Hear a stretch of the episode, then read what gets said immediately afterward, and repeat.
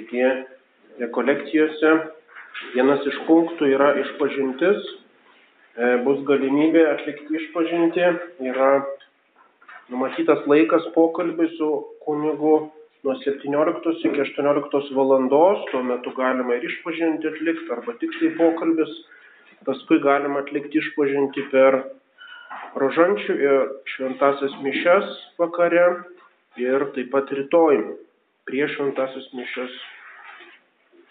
E, taigi galime tikrai pasiruošti tam, atlikti išpažinti. E, kas tai yra? Išpažintis tai yra sakramentas, atgailos sakramentas. Kiekviename sakramente yra vadinamoji forma ir materija.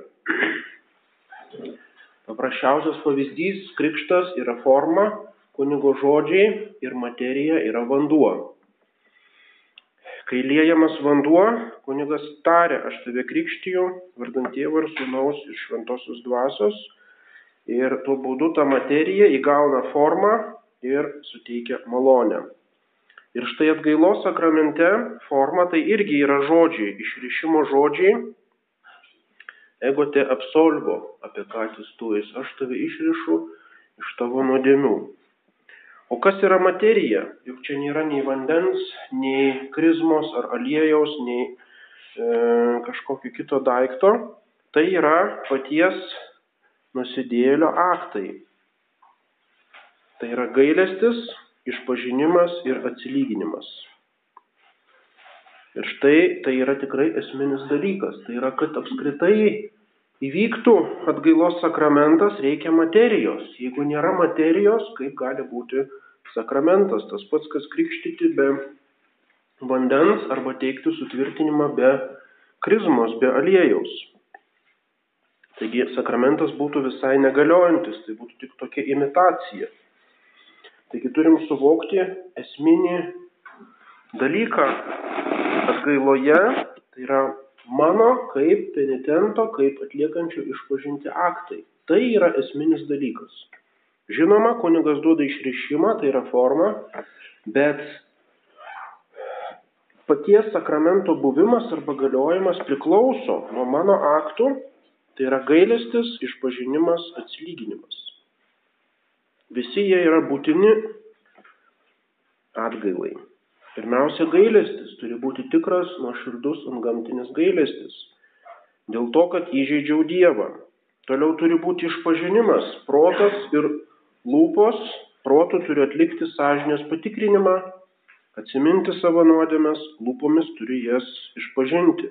Neužtenka vien prisiminti ir gailėtis, reikalingas išpažinimas. Ir trečias dalykas yra atsilyginimas. Valia atlikti visą skirtą atgailą, taisytis ir atsilyginti. Vadinamoji restitucija, atsilyginimas teisingumo nuodėmėsi prieš teisingumą. Ką tai reiškia? Kad turiu gailėtis, kad turiu išpažinti ir kad turiu atlikti visą skirtą atgailą, e, bent turėti intenciją taisytis, bent turėti ketinimą, minimales pastangas taisytis, reiškia, e, pakilti iš tos nuodėmės ir taip pat, jeigu yra tos nuodėmės prieš teisingumą, atsilyginti arba atitaisyti padarytą žalą. Taigi išpažintis negaliojanti, jeigu aš neturiu ketinimo ir nevykdau atsilyginimo, jeigu aš negražinu skolų jeigu aš netiduodu, neatsilyginu už pavoktą, sugadintą daiktą, pažįstą nusavybę ir taip toliau. Netitaisau pažeistos garbės, jeigu ką nors apšmyžiau. Tai priklauso pačiai sakramento esmiai, materijai. Reiškia, tai nėra tik tai kažkokie veiksmai po e, išpažinties, kuriuos galiu pamiršti ar apleisti, bet nuo to priklauso pačios mano išpažinties galiojimas, tai labai svarbu.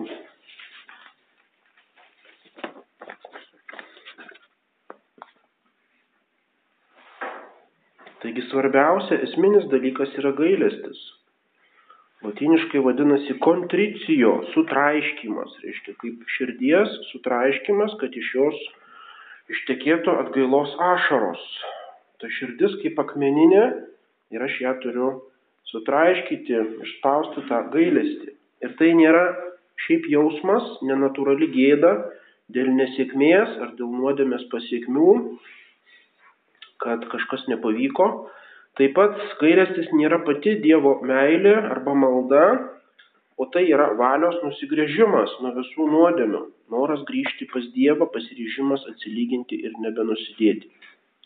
Taigi esmė atgailos yra ne jausmas ar ašaros, kas yra emocijų ligmenį arba jausmo ligmenį, bet tai yra valios, protingas valios nusigrėžimas nuo nuodėmių. Taigi galiu turėti tobulą gailestį, netgi jeigu ne viena ašara neišteka. Ašaros arba E, tas jausminis elementas yra tik tai pagalba arba pasiekmė arba ženklas tikro, tikro valios nusigrėžimo nuo nuodėmių. Tačiau jeigu yra gausios ašaros ir dūsavimas ir gėda ir taip toliau, bet nėra šitos valios, tada nėra ir atgailos. Taigi kokia yra atsivertimo eiga, kaip žmogus atsiverčia iš nuodėmės, ta metanoje arba pasikeitimas perversmas žmoguje. Pirmiausia būna kažkokia žmogiška natūrali gėda arba tiesiog įkliūvų, ar kažkas pamato mano nusikaltimą, arba tiesiog nelaimė. Visa tai dar nėra atsivertimas, tai yra tik natūralus pasiruošimas. Ir daugelis tai painioja. Reiškia, jeigu aš nepajungtų gėdos, jeigu manęs niekas nemato, jeigu nepasmerkia, tai tada nėra ką ir išpažinti.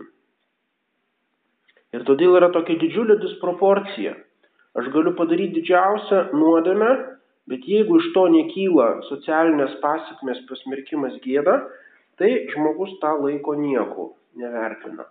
O mažiuk, ma, mažytis koks nors dalykas, kur nors suklumpu, ką nors kvailai tiesiog padarau, tai mane užlėja tokia gėda, negaliu mėgoti naktį ir reiškia baisiausiai graužusi, nors tai gali būti net nenuodėlė o tiesiog kvailystė ar suklupimas ar apsižioplinimas. Ir tai rodo, kad mes liekam tame labiausiai paviršutiniam tokiam natūraliam lygmenį, mes visiškai tada nesuprantam, kuo skiriasi nuodėmė nuo nenuodėmės. Ir tada iš tos tokios natūralios gėdos kyla visokie skrupulai. Tai reiškia, žmogus imasi skrupulų, kažkokio perfekcionizmo, ima kažkokius išorinius grinai dalykus super griežtai kontroliuoti, o, reiškia, nuodėmės esmės nebemato. Svarbiausia, kad neapsigėdint, svarbiausia, kad išlaikyti veidą, reputaciją ir nesijausti blogai. Reiškia, vėl viskas suvedama, kaip aš jaučiuosi. Taigi pirmiausia, e, suvokiu, tą nuodėmę. Ir gaunu atsivertimo malonę iš dievų. Taigi atsivertimo pradžioje pirmas dalykas yra nepelnyta Dievo malonė. Aš neatsiversiu ir neįsiu iš pažinties, jeigu negausiu šitos malonės. Tada yra tikėjimo aktas ir gali būti vadinamas netobulas gailestis. Antgamtinė baimės bausmės baimė. Tai vadinama kartais vergiška baimė, skirtingai nuo sūniškos baimės. Ir štai tas netobulas gailestis yra netobulas, bet jis nėra kažkas blogo. Tai yra gera vengti nuodėmės arba atgailauti vien dėl to, kad aš bijau pragaro arba bijau bausmės. Vien tas pragaro prisiminimas gali mane sulaikyti nuo nuodėmė ir paskatinti atsivertimą. Tai yra netobulas gailestis, bet jo pakanka išpažinčiai. Reiškia, išpažinties sakramentui tokio gailesčio iš esmės pakanka. Tačiau toliau eina atsivertimo eigoje vilties, meilės aktai ir eina tobulas gailestis arba sūniškos baimės aktas. Tai yra aš jau Bijau įžeisti Dievą kaip gerąjį tėvą, aš atgailauju, kad įžeidžiau Dievo gerumą, kad atsiskyriau nuo jo. Mes matom, tai yra didžiulis skirtumas tarp vergiškos baimės ir sūniškos baimės, tarp netobulo gailėšio ir tobulo gailėšio. Tačiau abu du yra geri ir abu du yra tam, tikros, tam tikri etapai arba e, stadijos tame atsivertime. Ir štai šito tobulo gailesčio gali užtekti netgi be išpažinties, jeigu aš tuo metu neturiu galimybės jos atlikti. Reiškia, esu kur nors kelionėje arba tolimam krašte ir nėra kunigo, padarau mirtiną nuodėmę, ką tuomet daryti?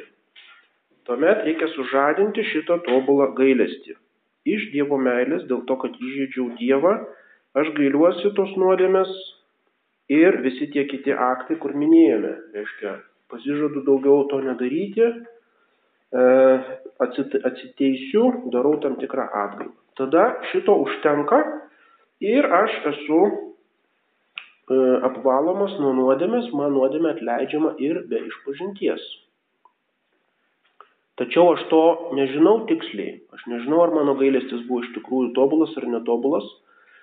Ir tokio, tokio gailesčio neužtenka, kad priimti komuniją. Reiškia, aš negaliu be išpažinties po mirtinos nuodėmės priimti komunijos. Tobulas gailestis atleidžia nuodėmės, bet neįgalina manęs priimti komunijos. O štai jeigu turiu galimybę atlikti išpažinti, tikrą išpažinti, tada tobulas gailestis nėra būtinas, tada užtenka netobulo gailesčio. Čia gal kiek komplikuota, bet tai yra esminis dalykas, būtent kam reikalingas apskritai išpažinties sakramentas kaip išorinis toksai ženklas, kad jis papildytų mano tą netobulą gailestį. Reiškia, Dievas duoda man garantiją, kad mano nuodėmės atleidžiamos, net jeigu aš neturiu to tobulo gailesčio.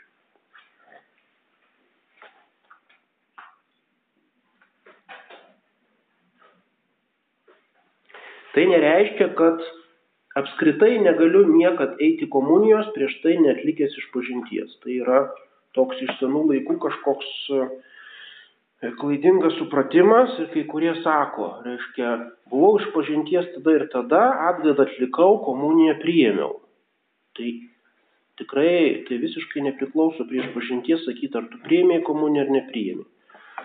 Ir taip nėra, kad kiekvieną kartą einant komunijos reikia prieš tai eiti išpažinties reikia būti malonės būklėje, reikia būti be mirtinos nuodėmės ant sąžinės, tačiau komunija tai nėra prizas šventiesiems už tai, kad jie yra šventieji, o komunija taip pat yra vaistas, komunija yra duodama silpniems žmonėms kaip mes ir tam nereikia tobulo šventumo arba tobulo laisvumo nuo bet kokių lengvųjų nuodėmių. Netgi vienas iš poveikių komunijos, tai yra, kad jinai mane apvalo nuo šitų lengvųjų nuodėmių.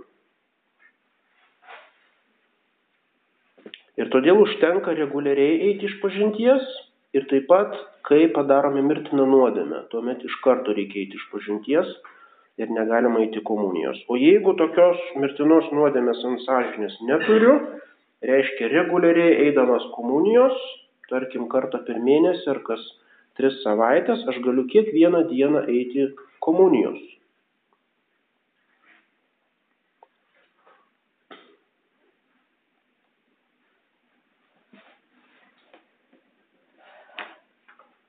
Ką, ką turime išpažinti? Visas nuodėmes. Taip pat jų rūšį, skaičių ar dažnumą, bet čia tik tai svarbiose nuodėmėse arba mirtinose nuodėmėse. Tarkim, aš negaliu suskaičiuoti, kad buvau 23 kartus tingus. Čia niekaip tu ne, neapskaičiuosi. Tiesiog pasakom dažnai arba retai, arba, reiškia, tos aplinkybės ar skaičius tai turi būti tik tai, kur yra svarbios nuodėmės. Ir svarbu, tai yra esminis dalykas mirtinuose nuodėmėse. Jeigu, tarkim, yra nuodėmė prieš skaistybę, neužtenka pasakyti, kad aš nusidėjau prieš šeštą Dievo įsakymą arba prieš skaistybę, nes tai gali būti absoliučiai skirtingos nuodėmės, tai gali būti tik tai kokia mintis prabėga, prabėgusi pagunda, o gali būti svetimavimas ir kitos sunkios nuodėmės. Taigi tai yra esminis dalykas išpažintyje.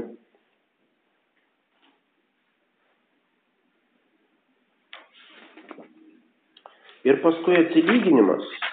Atsilyginimas Dievui, atsilyginimas artimui. Tas atsilyginimas naikina tą laikinąją bausmę.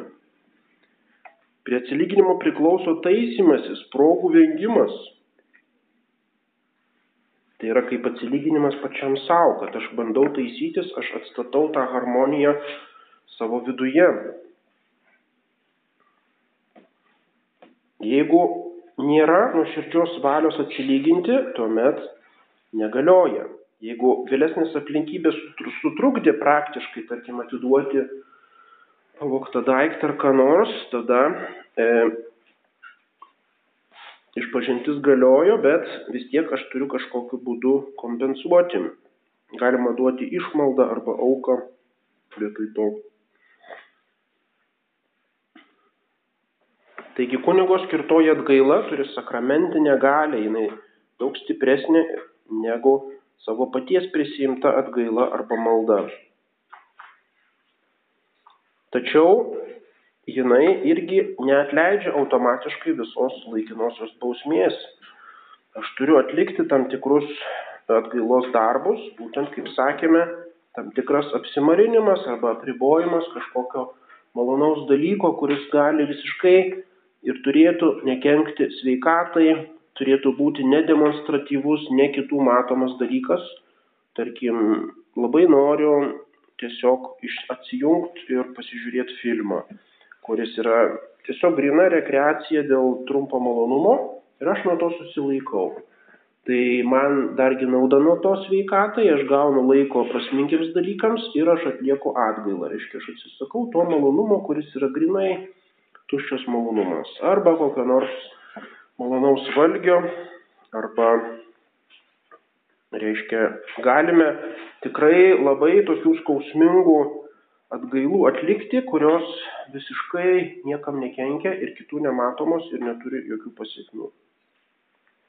Taip pat pozityviai, tai yra malda arba išmalda e, papildoma būtent atgailos intencija.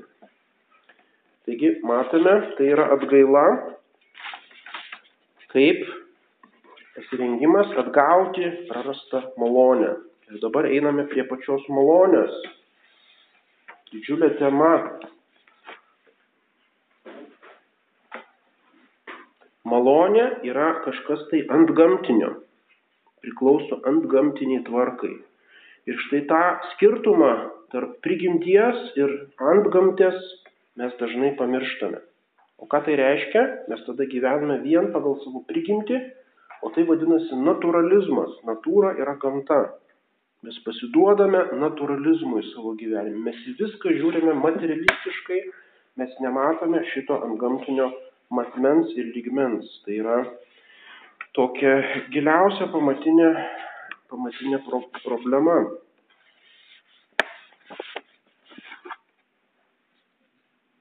Kad pasiektų savo tikslą Dievą, žmogus turi pakilti iki jo, kažkaip tai pakilti lygi Dievo lygmens.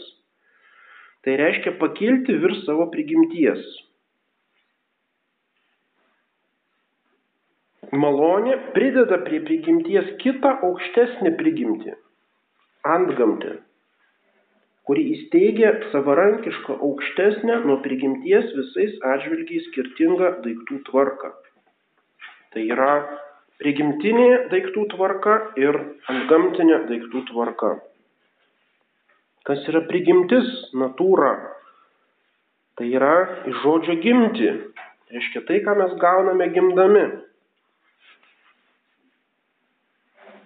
Tai yra mūsų kūnas, mūsų žemiškas gyvenimas, visi tie žemiški reikalai, mūsų proto, prigimtinės galios, mūsų valia, jausmai, Visa tai, kas kyla iš paties žmogaus arba kas jam priklauso, visa tai, kas mus supa, visi socialiniai dalykai, politiniai, kultūros kūrimas, netgi dvasinė kultūra, visa tai yra natūros sritis.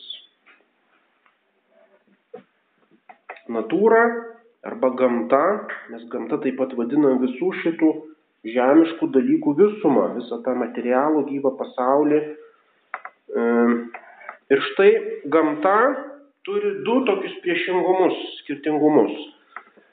Viena, vienu atžvilgiu sakoma gamta arba natūralumas priešinga tam, kas yra dirbtina arba kas yra sukonstruota arba kas yra meno kūrinys. Reiškia, gamta yra meno arba technikos priešingybė.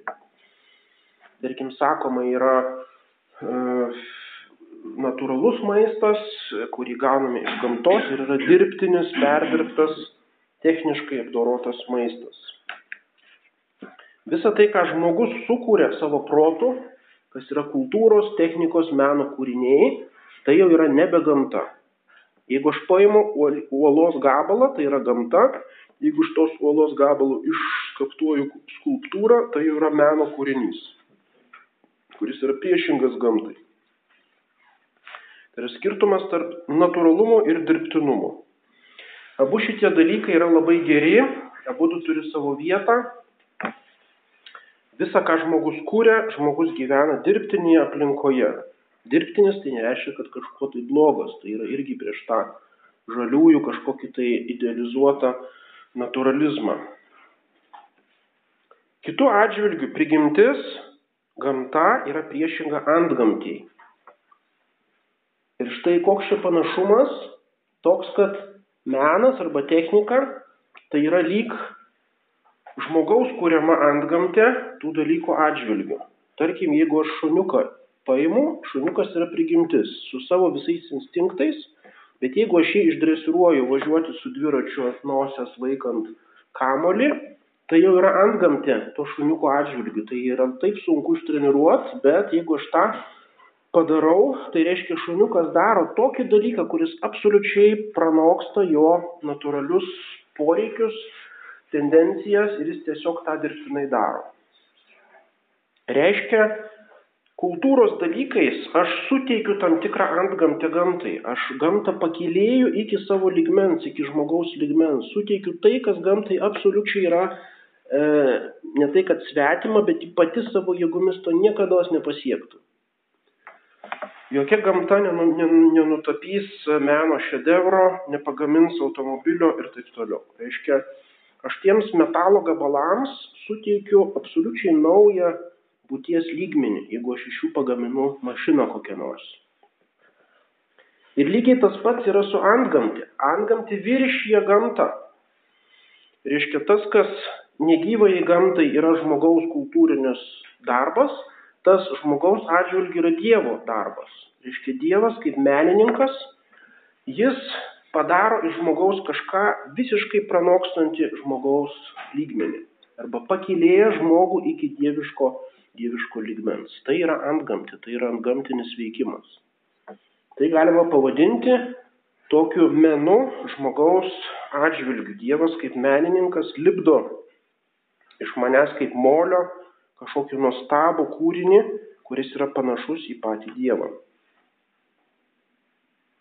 Ir todėl bažnyčios tėvai sako, e, Dievas sutvėrė žmogų pagal savo atvaizdą ir panašumą. Atvaizdas tai yra ikon, ikona pagal savo paveikslą ir panašumą. Ir skiria tuos du žodžius. Reiškia, paveikslas tai yra kažkas tai mano prigimtyje panašu į Dievą. Tarkim, aš turiu protą, valią, reiškia, tą savo dvasinę prigimtimį aš esu panašus į Dievą. Tai yra atvaizdas. O panašumas tai jau yra visai kitas lygmuo.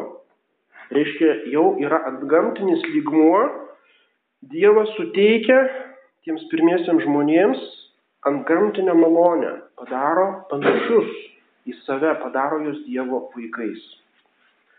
Tai yra tas panašumas į Dievą, būtent ir yra antgamti. Ką tai reiškia? Tai reiškia, kad antgamtinės malonės dėka aš esu pajėgus tokiems dalykams, kurie absoliučiai pranoksta mano proto, valios, e, fantazijos galės. Aš esu pakeliamas į absoliučiai kitą lygmenį, kaip dabar sakoma, reiškia kitą dimenciją arba, reiškia, esu nieko bendro neturinčia su natūra. Radikalumas antgamtis, Skirtumas nuo prigimties.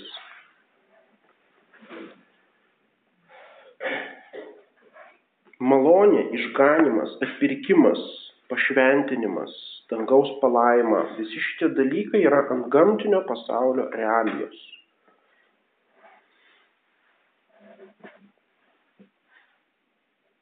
Tai kas yra ta malonė?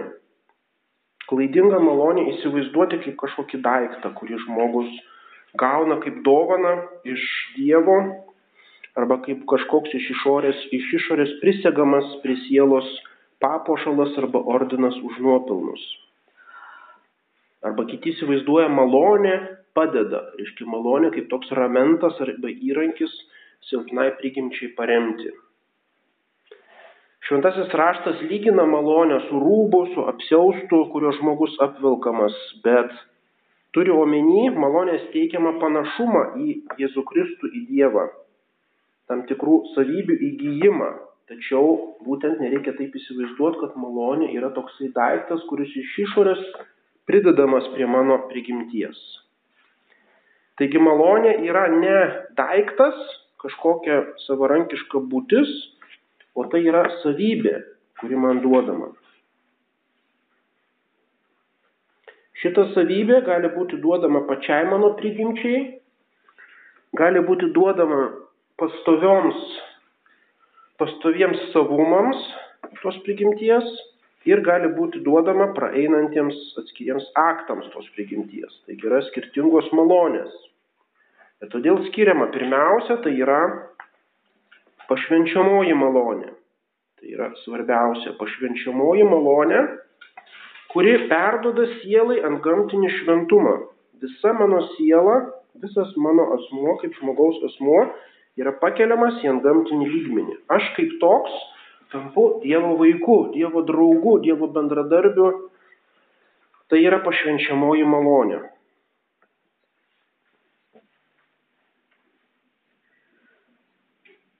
jinai pasilieka pastoviai, pasiliekančioji malonė. O štai kita malonė yra veikiančioji malonė, kuri skiriama atskiriems mano sielos veiksmams. Pasiliekančia arba pašvenčiamoji malonė perkeičia pačią sielą, o veikiančioji tik tai atskirus jos veiksmus. Taigi aš gaunu pašvenčiamąją malonę, bet paskui atskiriems mano veiksmams, tarkim malda, tarkim apsimarinimas, tarkim kažkoks geras pasiryžimas arba įžadai arba bet kokiam veiksmui, kuris turi ant gamtinę religinę prasme, reikalinga dar atskira veikiančioji malonė. Atskiras pakeliantis tą veiksmą e, Dievo postumis. Reiškia, malonė yra kažkas tai sutverto, sukurto. Tai nėra pats Dievas, kuris manyje kažkaip įsikūnija ar per mane veikia, bet tai yra Dievo duodamas būtent pobūdis, naujas lygmuo mano sielai arba mano sielos veiksmams.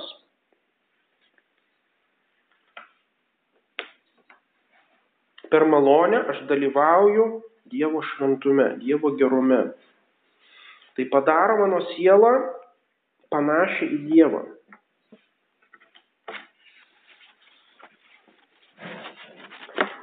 Matome, kad prigimtis ir antgamtė arba prigimtis ir malonė yra visiškai skirtingi dalykai, visai skirtingo pobūdžio. Jie skiriasi kaip dangus ir žemė, taip kaip tvarinys ir tvėrėjas. Aš galiu turėti iš Dievo kaip dovana natūralių kažkokių tai privalumų. Tarkim, fizinė sveikata. Irgi gali sakyti tam tikrą malonę. Vieni žmonės yra lygoti, o kiti sveiki. E, vieni yra luoši, o kiti turi visas kūno galūnės. Tai jau yra irgi tam tikra malonė, bet jie yra prigimties lygmenį. Arba tarkim talentai. Žmogus gali būti e, toks kvailo, kvailokas, o gali būti genijus. Ir tas genijus sakoma, jis Dievo apdovanotas jis turi. Bet tas genialumas arba protingumas, arba valios drąsumas, arba sportiniai sugebėjimai, arba visi šitie dalykai priklauso prigimties ryčiai. Tai nėra antgamtiniai dalykai, nors jie irgi yra Dievo apvaizdos tam tikra dovana.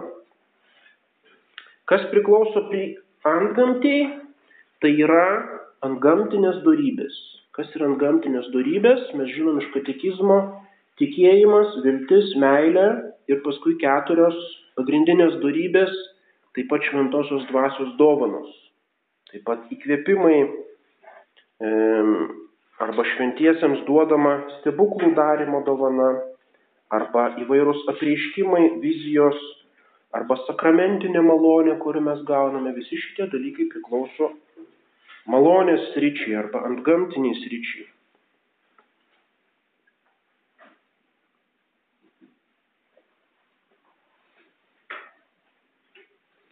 Tačiau malonė nėra priešingybė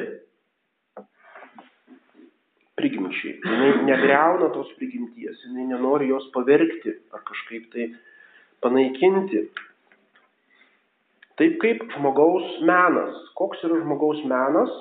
Tikras menas, jisai neprievartauja gamtos, jis jos nesunaikina, jis jos nedegraduoja, o jis ją kaip tik pakilėja, jis iš jos potencijų, tas potencijas kaip tik išvysto iki aukštesnio lygio.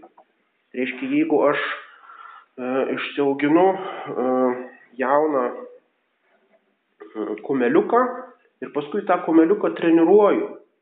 Jis baisiai spardosi, tai priešingai jo prigimčiai jis nori nusimesti raiteliais, nesiduoda niekaip ir paskui palaipsniui, palaipsniui jis išmoksta paklusti raiteliui ir jis tampa žirgu.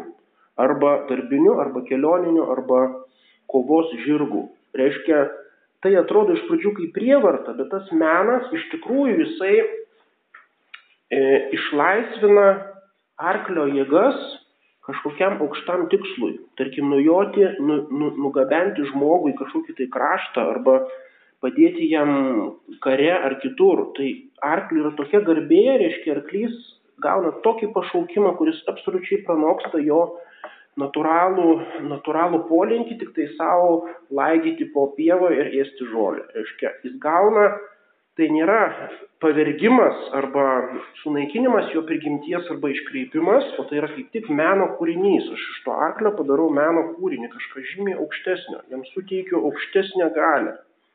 Lygiai tas pats su Dievo malonė. Jis neprievartauja žmogaus prigimties. Net tiesiog išjungia mano protą tarkim, tikėjimo darybė. Tai nėra taip, kad jinai išjungia mano protą ir dabar aš tiesiog aklai paklūstu kažkokiams tai dogmoms, priimu kaip kokią kompiuterio programą, kuri man įdedama. Ir čia skiriasi, tarkim, krikščioniška mistika, kur gaunu apreiškimus arba malonės, tai nėra taip, kad aš kaip, reiškia, Afrikos tose religijose arba pagoniškose kultuose, papuolu į transą, mane apsėda kažkoks demonas ir mane kaip robotą, reiškia, kaip zombi valdo. Reiškia, tai yra absoliučiai priešingas veikimo būdas. Reiškia, būtent velnės arba demonas, jisai pavergia, jisai e, prievartauja mano prigimti. O Dievo malonė, jinai kaip tik mobilizuoja visas sielos jėgas, pakelia jas į aukštesnį lygį. Ir tai išreiškiama tokiu paprastu principu, kad malonė turi prigimti kaip pagrindą, remiasi prigimtimi. Malonė remiasi prigimtimi. Malonė neatsiranda tuščioje vietoje, bet perima ir pakelia mano prigimtį. Antgamtinis tai nereiškia nenatūralus arba dirbtinis ta prasme kaip kažkoks iškreipimas arba sudarkymas. Malonė neveikia prieš prigimtį arba be prigimties, negreuna jos, bet ją pačią ištobulina, suteikia jai kokybiškai naują jėgą. Tai labai svarbu dvasinėme gyvenime. Tam tikras prigimties veikumas yra kaip sąlyga ant gamtiai. Tarkim, Dievo malonės negali gauti akmuo arba gyvūnas, nes jie neturi tos prigimties, kuri galėtų priimti malonę. Ir taip pat iš prigimties kažkoks e, kvailas arba lyguistas arba tingus žmogus, aišku, gali tapti šventuoju. Dievui nėra negalimų dalykų, bet normaliai kažkoks prigimties natūralus tvarkingumas yra kaip sąlyga, kad priimti malonę. Žinoma, Dievo malonė vienu žymiausių prancūzijos pamokslininkų padarė Arso kleboną Joną Vienėją, kuris iš prigimties visiškai neturėjo pamokslavimui reikalingų savybių, jam labai sunkiai sekėsi seminarijoje, jis baisiausiai vargdavo ruoždamas pamokslus ir taip toliau. reiškia, atrodo, kad neduota jam tos dovanos. Bet Dievo malonė tiesiog taip pakilėjo, kad jo pamokslai atversdavo ištisas, ištisas minės. Arba tarkim, e, Joana Arkietė, kuri tapo karvedė arba kankinystės malonė, Agnietė šventai Filomenai, kur silpnos mergelės turėjo tiesiog ant gamtinę jėgą pakesti didžiausius kankinimus. Aišku, tai kaip tik pabrėžia tą kontrastą, tą e, malonės jėgą, kuris gali silpniausiam žmogui suteikti nepaprastą drąsą, didvyriškumą ir ištvermę. Kita vertus, tai nereiškia, kad malonė suteikiama tik natūraliai tobuliems žmonėms. Nereikia būti kažkokiu savyje tobulą aukštą asmenybę, kad taptum šventuoju. Nereikia turėti geležinės sveikatos, tobulo charakterio, aštraus intelekto, kad galėtum priimti malonę ir su ją bendradarbiauti. Tai yra ta paslaptis, kaip bendradarbiauja paslaptingų būdų prigimtis ir malonė. Ir štai visas mūsų dvasinis gyvenimas būtent yra antgamtinis gyvenimas, yra šitos malonės gyvenimas. Reiškia viską, kas turi vertę Dievo akise, kas daro nuopelnus, tai yra tik tai šitos antgamtės vaisius, o ne mano prigimties vaisius. Ką tai reiškia? Tikėjimas.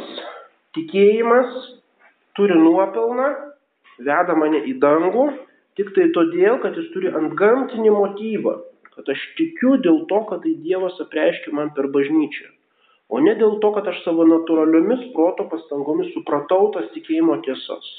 Ir todėl gali būti e, katalikiškos teologijos profesorius, e, daktaras, kuris viską išstudijavęs visus šaltinius ir tobuliausiai žino, bet jis netiki, jis neturi tos tikėjimo, jis viską supranta, jis viską žino, bet jis aklas tam tikėjimui.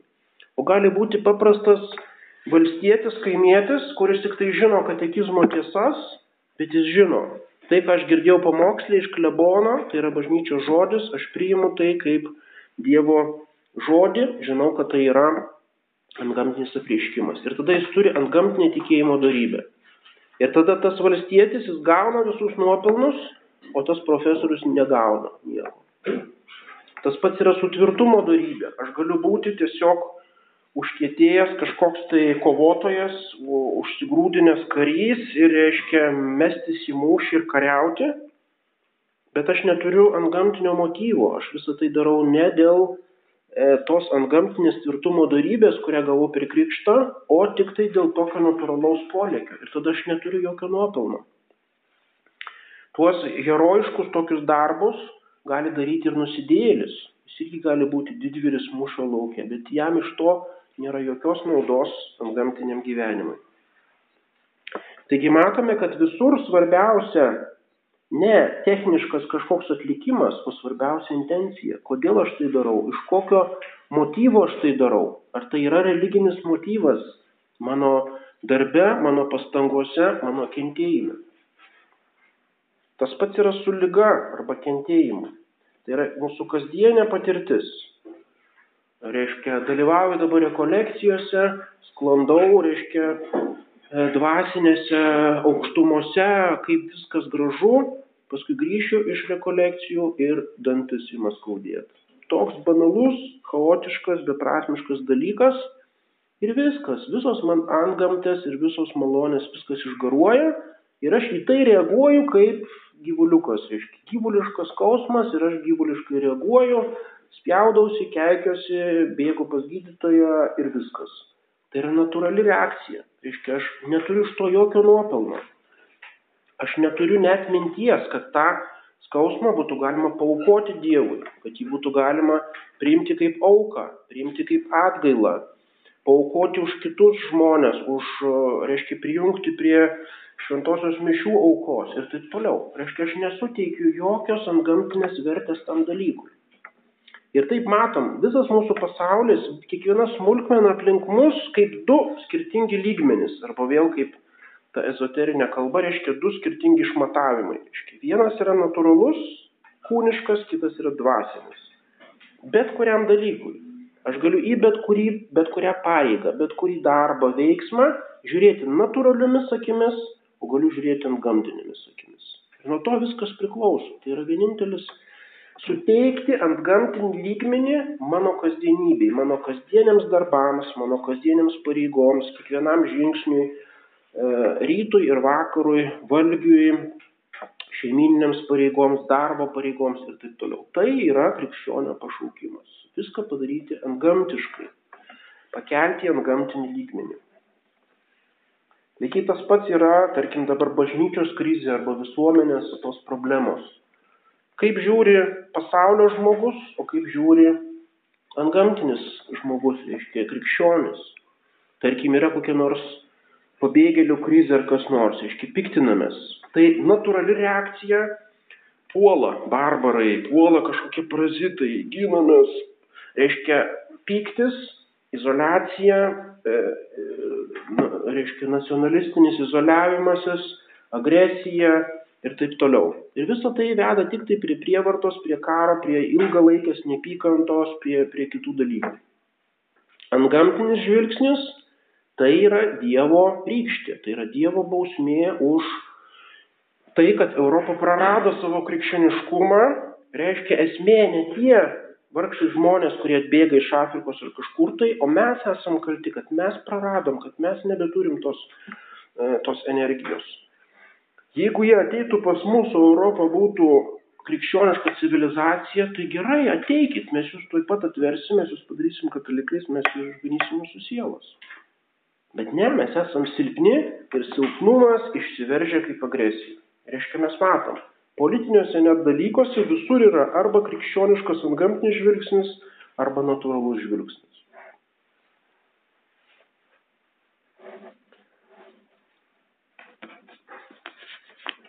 Šito antgamtiškumo išlaikymas tai yra vienintelė viltis, ypač šitais laikais, kada visos natūralios priemonės nebeveikia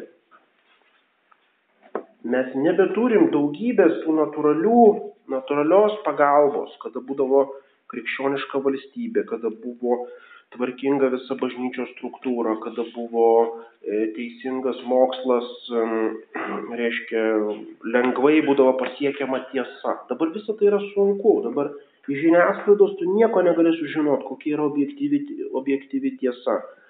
Reiškia, natūralių priemonių vis mažėja. Mes neturim tos pagalbos, mes jaučiame silpni.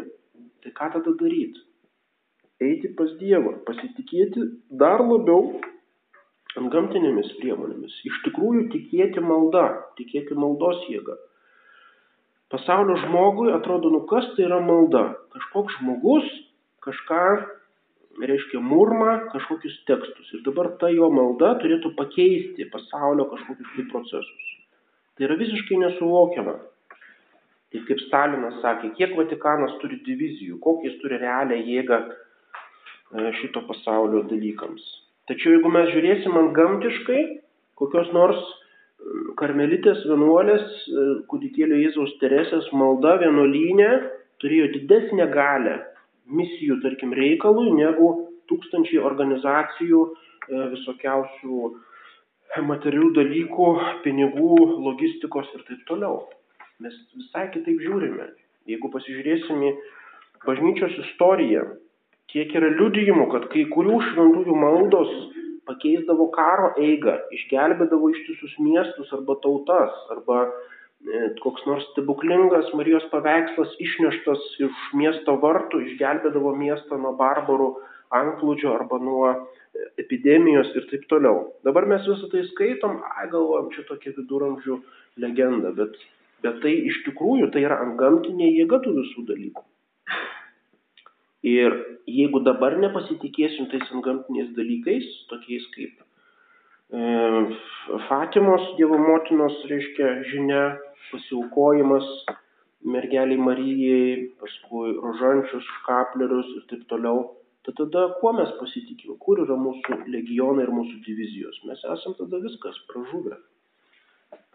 Tik tai Dievas, būtent e, ant, ant gamtinėje plotmėje, jis yra vienintelis jėgos, sėkmės e, išganimo šaltinis ir tik tai pas jį galime eiti, o ne pasitikėti savo natūraliomis jėgomis.